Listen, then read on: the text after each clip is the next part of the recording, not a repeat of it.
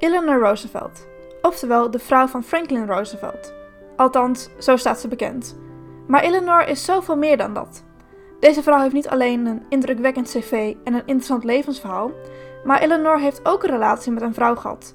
Hoog tijd om eens een andere kant van Eleanor te belichten. Eleanor is in 1884 geboren en had een ongelukkige kindertijd, waarbij ze geconfronteerd werd met de dood van haar beide ouders en haar broer op een jonge leeftijd. Op haar 21ste trouwde ze met haar verre neef Franklin Roosevelt. De oom van Eleanor, destijds president Theodore Roosevelt, zei over het Roosevelt-Roosevelt huwelijk dat het goed was om de naam in de familie te houden. Dit huwelijk is vanaf begin af aan al gecompliceerd geweest, vanwege de controlerende moeder van Franklin, Sarah. Zij was altijd tegen het huwelijk geweest. Daarbovenop kwam ook nog dat Franklin 13 jaar na hun bruiloft een affaire begon met Lucy Mercer. Franklin wilde Eleanor verlaten voor Lucy, maar zag hiervan af. Hierna was het huwelijk tussen Eleanor en Franklin puur vanuit politieke redenen, maar bleven ze wel een goede band overhouden. Zo werd Franklin in 1921 gediagnosticeerd met een verlammende ziekte, wat waarschijnlijk polio was, en zorgde Eleanor voor hem tijdens deze ziekte. Dankzij Eleanor's zorg overleefde Franklin de ziekte, ook al waren zijn benen wel permanent verlamd. Eleanor zorgde er ook voor dat Franklin in de politiek bleef nadat hij hersteld was.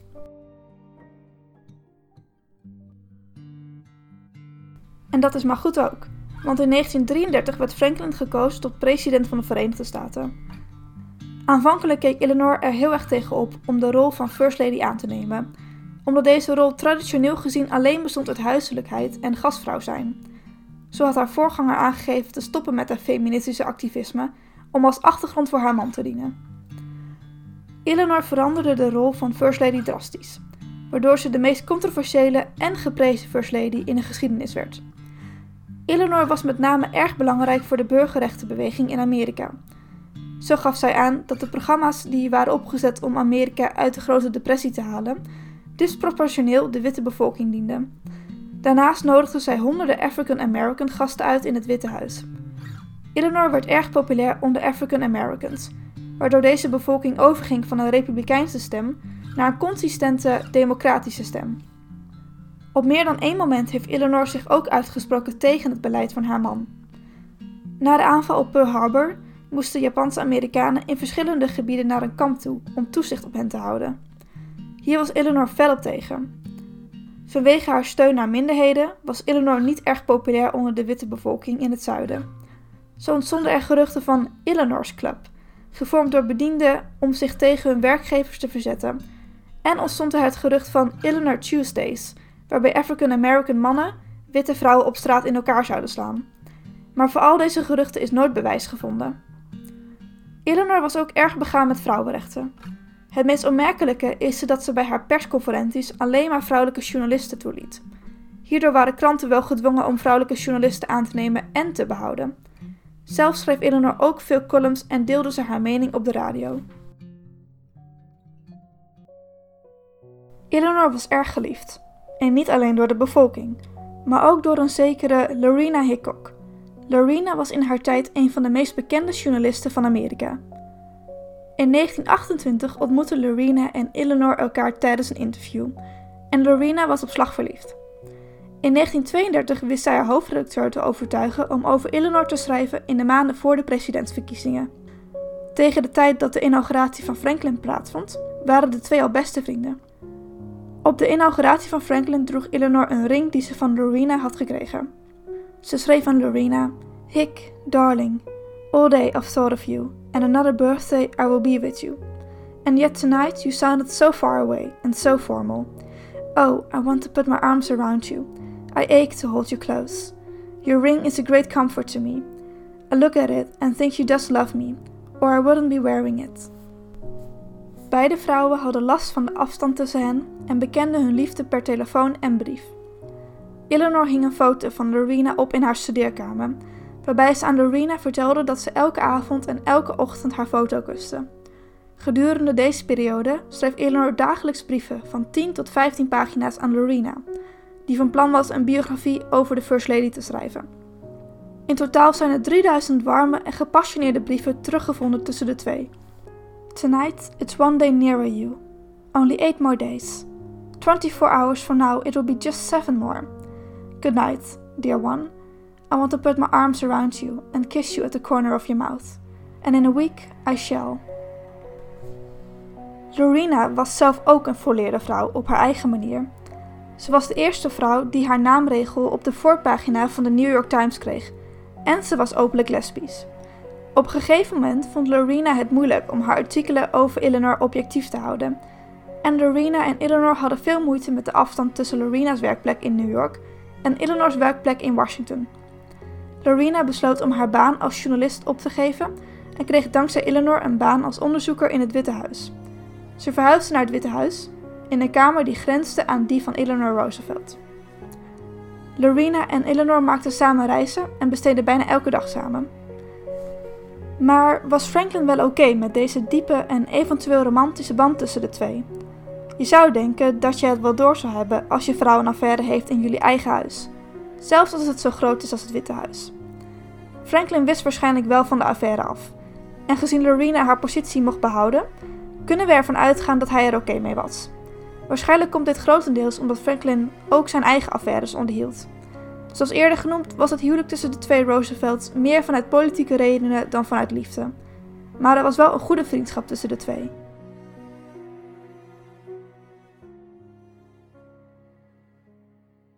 Zoals je je wel kunt indenken, ging Eleanor's en Lorena's relatie niet zonder slag of stoot. De FBI-directeur destijds, J. Edgar Hoover, hield een groot dossier bij over Eleanor. Hij verachtte Eleanor's liberalisme, haar standpunt ten aanzien van burgerrechten en haar kritiek op Hoover's surveillance-tactieken. Hoewel de FBI nooit een formeel onderzoek naar Eleanor Roosevelt heeft gestart, vormen FBI-verwijzingen naar haar een van de grootste afzonderlijke bestanden in de collectie van Hoover. Haar band met liberale groepen zoals het American Youth Congress, haar uitlatingen tegenover segregatie en lynchen, evenals haar strijd voor vrijheid van meningsuiting, zorgde ervoor dat Eleanor werd gezien als een bedreiging voor de status quo in Amerika. Het 3000 pagina's stellende FBI-dossier bevat aanklachten tegen haar vanwege vermeende communistische activiteiten, bedreigingen van haar leven op grond van haar ontrouw aan het land, nauwlettend toezicht op haar activiteiten en schriften en een verslag van mogelijke opstandige groeperingen die ze mogelijk heeft beïnvloed. In dit bestand is ook bewijs van de relatie tussen Eleanor en Lorena opgenomen, waarmee Hoover van plan was Eleanor te chanteren. Eleanor protesteerde hier luid tegen, maar haar dossier bleef maar groeien en groeien tot haar dood.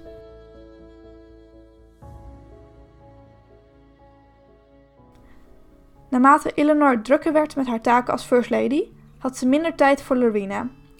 Lorena werd boos en jaloers op vermeende minachtingen en eiste meer tijd alleen met Eleanor, die zij niet kon geven.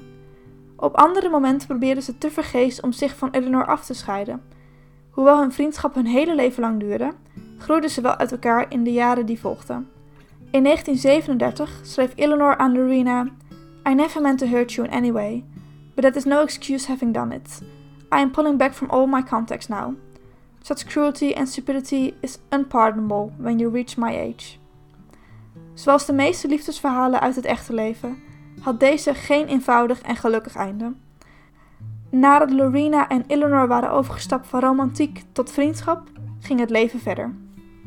Tegenwoordig is de lesbische affaire van Eleanor Roosevelt verre van geheim.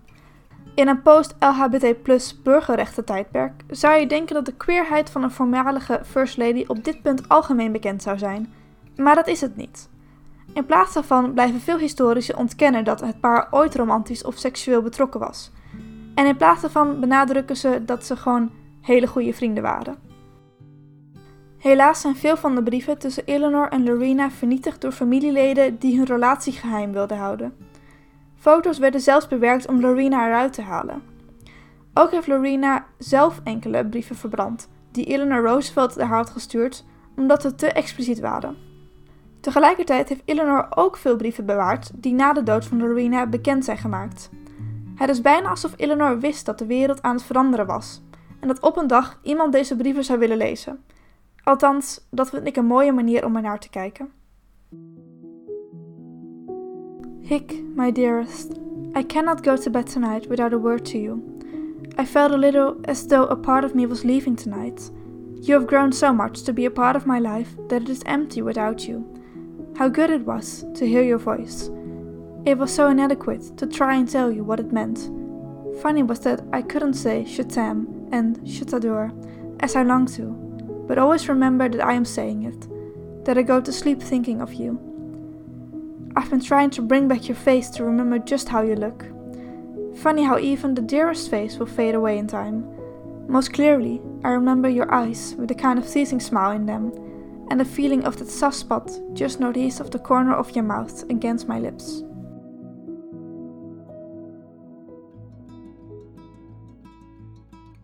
Dat Eleanor en Lorena een intense relatie met elkaar hadden, onderstreept ook historicus en Amerika-kenner Koen Uffing. Hij is een research masterstudent, momenteel bezig met zijn scriptie, en heeft veel onderzoek gedaan naar Eleanor. Ik sprak met hem over Eleanor's leven en haar invloed op de wereld zoals we die nu kennen. Eleanor Roosevelt was de first lady van Franklin Roosevelt, de beroemde president van de New Deal van de, uh, in Amerika. En verantwoordelijk voor de Amerikaanse inzet tijdens de Tweede Wereldoorlog. En um, Eleanor Roosevelt was uh, zijn uiterst zichtbare vrouw. En na de dood van Franklin was zij onder andere ook verantwoordelijk voor de, voor het, uh, of mede verantwoordelijk voor het opstellen van de, van de universele verklaring van de rechten van de mens van de Verenigde Naties, um, vlak na de oorlog. En uh, in die hoedanigheid werd zij tijdens haar leven al, al zeer bewonderd. Wat heeft ze dan zeg maar, zo al gedaan? Heb jij iets van je van dat is echt typerend voor Eleanor? Nou, typerend voor Eleanor Roosevelt is, um, zijn denk ik twee dingen, of, of drie denk ik wel. De eerste is dat, uh, wat was de zichtbaarheid van haar tijdens Franklin's um, tijd in het Witte Huis. Zeg maar voor, um, voor Roosevelt waren, waren First Ladies niet heel zichtbaar, of was in ieder geval niet een heel politiek profiel. En uh, Eleanor was eigenlijk een van de eerste moderne First Ladies die, die zich heel zichtbaar maakte, die een eigen profiel had, die speeches gaf, die columns schreef. En um, in die hoedanigheid was ze ook zeer betrokken bij de Amerikaanse burgerrechtenbeweging. Uh, en presenteerde zij zich echt als een voorvechter van gelijke rechten uh, voor zwarte Amerikanen. En uh, ten derde was zij dus betrokken bij de, uh, bij, ja, bij de totstandkoming van de Verenigde Naties. En in ehm, die hoedanigheid kreeg ze van de opvolger van Roosevelt, Harry Truman, ook nog eens de bijnaam de First Lady of the World. Ja, en de rol van First Lady die was eigenlijk voordat Eleanor hem betrad een beetje een, uh, een, rol van vrouwen die gewoon ja, gastvrouw waren. Precies, je moest ladylike zijn. Het was, je, het was niet de bedoeling dat je een eigen profiel had, dat je je echt zelfstandig profileerde uh, als First Lady. En Eleanor uh, doorbrak dat idee eigenlijk en, um, en was veel, en had echt, een profiel voor haarzelf. En presenteerde zich als beroemdheid in de Amerikaanse samenleving. En wat dat betreft um, ja, was ze eigenlijk een beetje de founding mother van, de, van het ambt van de First Lady.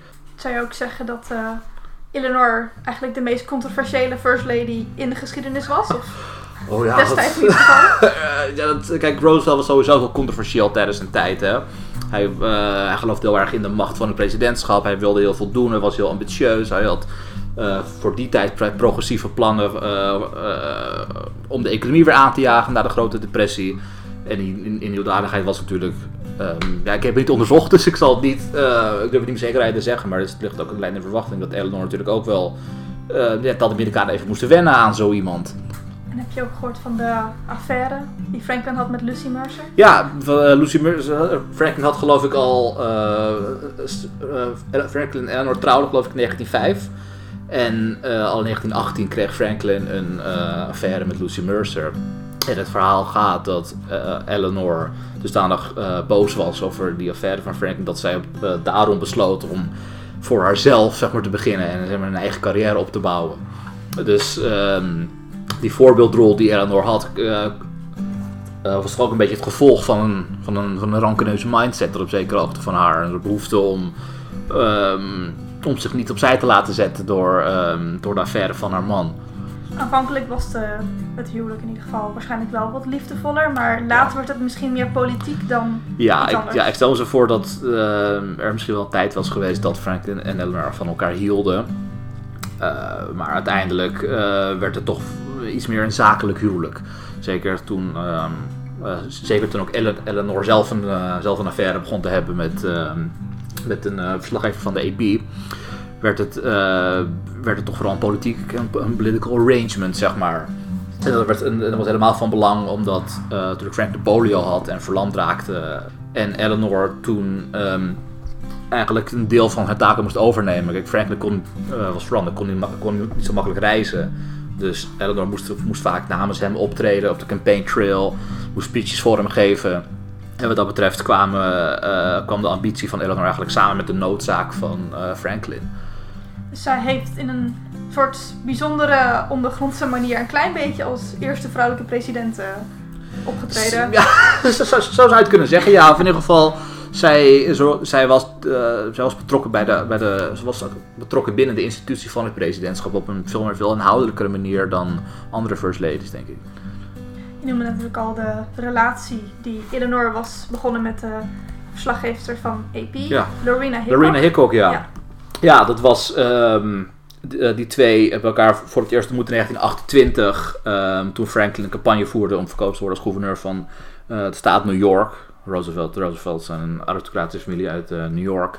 En uh, in die hoedanigheid um, kwamen, de, kwamen, die twee vrouwen elkaar al, al in het einde van de jaren 20 tegen. En al snel bleek dat ze een sterke klik hadden. En het verhaal gaat dat Hickok of Hick, zoals ook al werd genoemd, al vrij snel een, uh, een aantekening van haar hoofdredacteur kreeg dat ze niet uh, te dicht bij haar bronnen moest gaan staan en dat dat toch wel een probleem kon gaan worden. Is uiteindelijk toch een, toch een persoonlijke relatie opgebloeid tussen die twee. Ik weet niet hoe hoeverre dat bekend was destijds, maar je kan denk ik vergelijken met de, poli met, met, uh, met de aandoening van Franklin en zijn, verlam zijn verlamdheid in principe wist de Amerikaanse pers dat Roosevelt verlamd was. Dat was geen geheim of iets dergelijks. Alleen ze koos ervoor om dat niet te vertellen tegen het publiek. Het publiek zag Roosevelt nooit als, als een cripple. En ik stel me zo voor dat in die hoedanigheid heel veel mensen rondom Roosevelt ook wel wisten dat Eleanor een affaire had met Hickok. En dus dat ze niet hetero was wat dat betreft. Maar dat er wordt gekozen om het te verzwijgen, zeg maar. Ik, ik kan het niet bewijzen of zo, maar dat, dat acht ik wel, dat ligt, dat, dat ligt in, in het domein van de mogelijkheden, zeg maar. Waren natuurlijk ook heel veel mannelijke journalisten. Dus je zou ook kunnen voorstellen dat het vanuit een soort sympathie was tegenover Franklin. Of een soort landsbelang. Ja, precies. Ja, precies. Dat, dat, idee van landsbelang uh, speelde ook mee in de overweging om Roosevelt niet te, tonen als een, verla als een verlamd iemand. Dat, ze zagen dat als, een, um, als, als het in het belang van, van de natie, in het belang van Roosevelt zelf, in het belang van de president, om niet de president zo kwetsbaar te maken en ik denk ook dat die, in die hoedanigheid het zeker mogelijk was dat uh, journalisten of mensen om hem, uh, om de Roosevelt heen, daarom de, in ieder geval de niet-heteroseksualiteit van, uh, van Eleanor te verzwijgen. Ja, dat is zeker mogelijk, ja. Eleanor en Lorena die raakten natuurlijk heel close in ja. een paar jaar tijd eigenlijk. Ja, precies. En uiteindelijk um, gaf Lorena haar baan als journalist bij ja, op. Ja, precies, om, om, om bij Eleanor te zijn. Ze ging geloof ik daarna ook werken in het Witte Huis. Dus, dus ze zagen elkaar wel uh, ook vaak. Alleen zeker naarmate de Tweede Wereldoorlog steeds dichterbij kwam en de, de druk steeds groter werd op Roosevelt, zag je wel dat Eleanor zich steeds meer ging bezighouden met haar werkzaamheden en daarom minder tijd had voor, uh, voor Hick. En, en dat geloof ik uh, langzaamaan, langzaamaan doofde ook een relatie uit op termijn. Maar uh, we hebben gelukkig heel veel brieven tussen de twee dames die, uh, die, die, ze aan elkaar uitwisselden. En uit die brieven bleek wel dat ze echt een heel um, intense relatie hadden. Ja, Norina die had ook een, uh, een kamer die eigenlijk vlak naast die van Eleanor was. Ja, dat, dat, dat, dat, dat zou mogelijk, dat, dat, ja. ja. dat zou kunnen, ja. Dat is geen toeval natuurlijk. Nee. Nee, ze, ze, wil, ze, wil, ze, ze hield echt van elkaar. Als je, die, als je die brieven leest, dan zie je echt dat ze... Eh, die passie was er echt wel. Ze, ze wilden constant bij elkaar zijn. Dus dat, ja. Ja, kijk, het is natuurlijk, je kan ja, vragen hoe, um, hoe ethisch het is als een journalist zo'n affaire heeft met zo'n uh, met zo'n met zo iemand die, in de, die, die, die vaak in de belangstelling staat. Maar zeg maar, um, het, hart, het hart wilde wat het hart wilde en, dat, en daar kon, dat kon ze volgens mij niet tegenhouden. Dat is ook heel begrijpelijk natuurlijk. Denk je dat uh, Franklin dan wist van deze affaire? Als historicus mag je die vraag eigenlijk niet stellen, want dan kun je niet bewijzen. Um, maar ik denk dat, uh, ik denk dat Roosevelt ervoor koos om het niet te vragen aan Eleanor. Laat ik het zo zeggen. Ik kan me niet voorstellen dat hij, dat hij helemaal geen idee had. Want Eleanor had ook, wist ook heel, ook heel goed dat FDR uh, vreemd ging. Lijkt me wel waarschijnlijk dat um, Franklin wel een idee had. Ja, en natuurlijk ook zijn eigen affaires. ja, dus- precies. Ik denk, ik denk dat zowel Eleanor als Roosevelt eh, wisten dat ze vooral in politieke zin iets aan elkaar hadden. En dat ze tolereerden dat ze eh, hun eigen liefdesleven, lief- liefdeslevens hadden. ja. En ehm, kregen Eleanor en Lorena nog problemen vanwege hun relatie? Volgens mij is hun relatie nooit echt uitgelekt in in de zin dat, dat het een probleem voor ze werd. Alleen ehm, iemand als J. Edgar Hoover, die, kon die, die, altijd ehm, dossiers bijhield van iedereen die de moeite waard was in zijn optiek om, eh, om te surveilleren, zou waarschijnlijk wel iets ook in de gaten hebben gehad. En dat zou dan boven het hoofd hebben kunnen hangen van, eh, van Eleanor. Alleen volgens mij is Hoover nooit echt overgegaan tot de publicatie van eh, wat materiaal wat hij dan misschien zou kunnen hebben gehad. Ja, dat klopt. En tegelijkertijd had eh, het dossier dat Hoover had over Eleanor wel het grootste dossier wat hij had. Ja, volgens, ja, volgens mij had hij, volgens mij, volgens mij had hij een paar duizend pagina's eh, over haar. Maar goed, Ed- kijk, iemand als J. Edgar Hoover, hij runde de FBI als eigenlijk zijn eigen koninkrijkje. Hij had enorme dossiers over, over, over, over iedereen, over bijvoorbeeld ook over Martin Luther King. Dat hij enorme dossiers en eh, lekte die allemaal data, informatie uit dat, dat King vreemd, vreemd aan het gaan was. Ja, Edgar Hoover zou zonder meer. Ik, ik, ik weet het ook niet zeker, maar hij, had waarschijnlijk, hij wist waarschijnlijk wel dat er iets was daar bij Eleanor. Alleen heeft volgens mij nooit echt gepubliceerd, zoals hij wel eh nare informatie over, over King bijvoorbeeld eh, naar buiten lekte. Dat vind ik ook wel bijzonder, want hij had echt volgens mij een hekel aan eh Eleanor's liberalisme en hoe Eh, progressief volgens mij had Hoover aan, aan heel veel mensen een hekel. Ja, Dat was zo'n beetje een, beetje een paranoïde man. Maar ja, hij, hij, had inderdaad een hekel aan progressieve en subversieve types, dus aanhalingstekens, in de Amerikaanse samenleving. Dus hij zal zonder meer ook wel een, een mening hebben gehad over Eleanor's eh, gedrag in de privésfeer. Maar dat is een beetje pikant, want, want er is dan ook re- reden aan te nemen dat Hoover ook niet helemaal hetero was. en wat zijn dan die redenen dat Hoover waarschijnlijk ook niet helemaal hetero was? Er zijn geloof ik wel verhalen dat hij ook een affaire zou hebben gehad met andere mannen. Maar, dat, ehm, maar zover zover ik weet was dat ook niet iets wat tijdens zijn leven naar buiten kwam. Er is inmiddels wel reden om aan te nemen dat hij, eh, of in ieder geval zijn aanwijzingen weet ik, zoals hij, ja, dat hij niet zo hetero was als, als dat hij beweerde, denk ik. Er zou misschien ook wat eh, geïnternaliseerde homofobie Ja, dat zou zomaar kunnen inderdaad. Dat hij. ehm, ja, we, spe- we speculeren hier natuurlijk wel een beetje. Maar het zou zomaar kunnen dat de frustratie die hij had over Eleanor eh, voortkwam met zijn eigen frustratie. Het is in ieder geval een hele bijzondere vrouw. Ja, het is zeker een, ehm, een bijzondere vrouw. En ook iemand die, eh, iemand die al tijdens haar leven heel erg werd bewonderd. Want er was geloof, was geloof ik een lijst eh, aan het einde van, de jaren, van aan het einde van de vorige eeuw. Om te kijken wat nou, wat nou de meest bewonderde mensen in Amerika waren. En Eleanor Roos- Roosevelt stond, geloof ik, stond daar geloof ik op 9 en Franklin op 7. Of, of, of, of ook hoger in ieder geval. En dat geeft wel aan dat de Roosevelts nog altijd ehm, heel erg aanwezig zijn in onze geschiedenis, in ons denkbeeld. En in het geval van Eleanor zelfs in onze, zelfs in onze politiek. Want de Algemene Verklaring, of de Universele Verklaring van de Rechten van de Mens, is nog altijd een heel belangrijk document. eh, als het gaat om de fundering, of de ideologische fundering van de Verenigde Naties. En Eleanor heeft daar een cruciale rol gespeeld. De, impact van Roosevelt, eh, van, in ieder geval van Franklin Roosevelt, is eigenlijk niet, eigenlijk niet te overschatten als je het hebt over de Amerikaanse geschiedenis. Hij was de, de grondlegger van de moderne democratische partij, de grondlegger van het moderne Amerikaanse liberalisme. En op die manier was Eleanor eigenlijk ook een, ehm, een sleutelfiguur in de ontwikkeling van het, moderne, van het moderne Amerikaanse presidentschap. Door zo aanwezig te zijn als First Lady, door ehm, zelf een politiek profiel te hebben, heeft ze eigenlijk een hele grote bijdrage geleverd aan de manier waarop wij de Amerikaanse president nog steeds zien.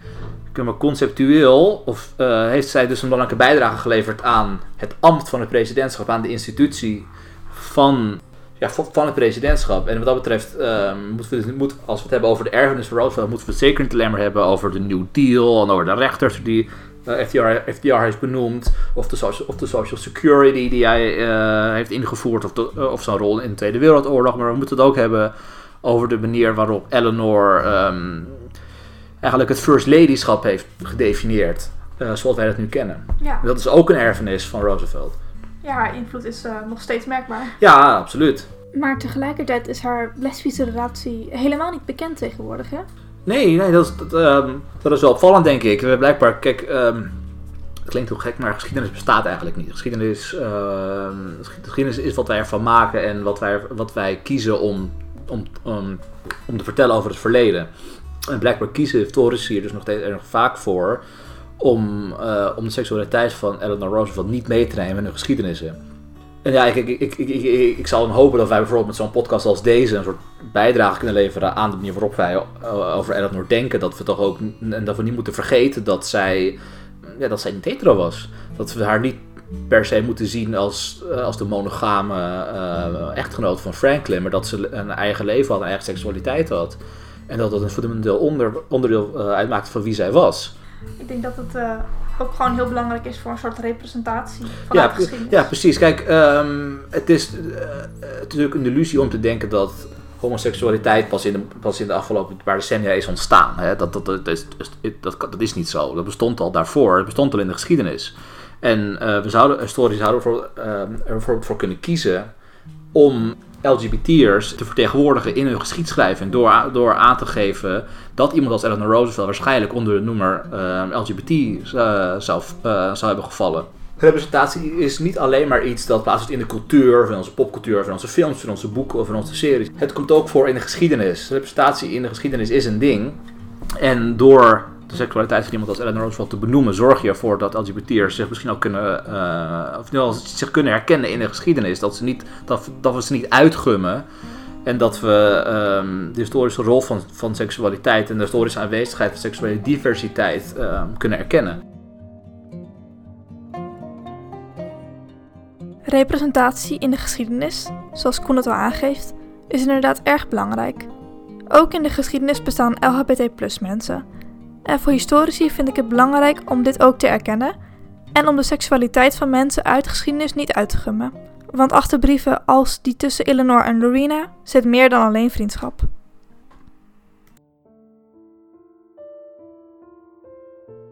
Hick, darling, remember one thing always. No one is just what you are to me. I'd rather be with you this minute than anyone else, and yet I love many people and some often can do things for me probably better than you could. But I never enjoyed being with anyone the way I enjoy being with you. I couldn't bear to think of you, crying yourself to sleep. Oh, how I wanted to put my arms around you, in reality instead of in spirit. I went and kissed your photograph instead. Oh, dear one, it is all the little things tones in your voice, the feel of your hair, gestures, these are the things I think about and long for.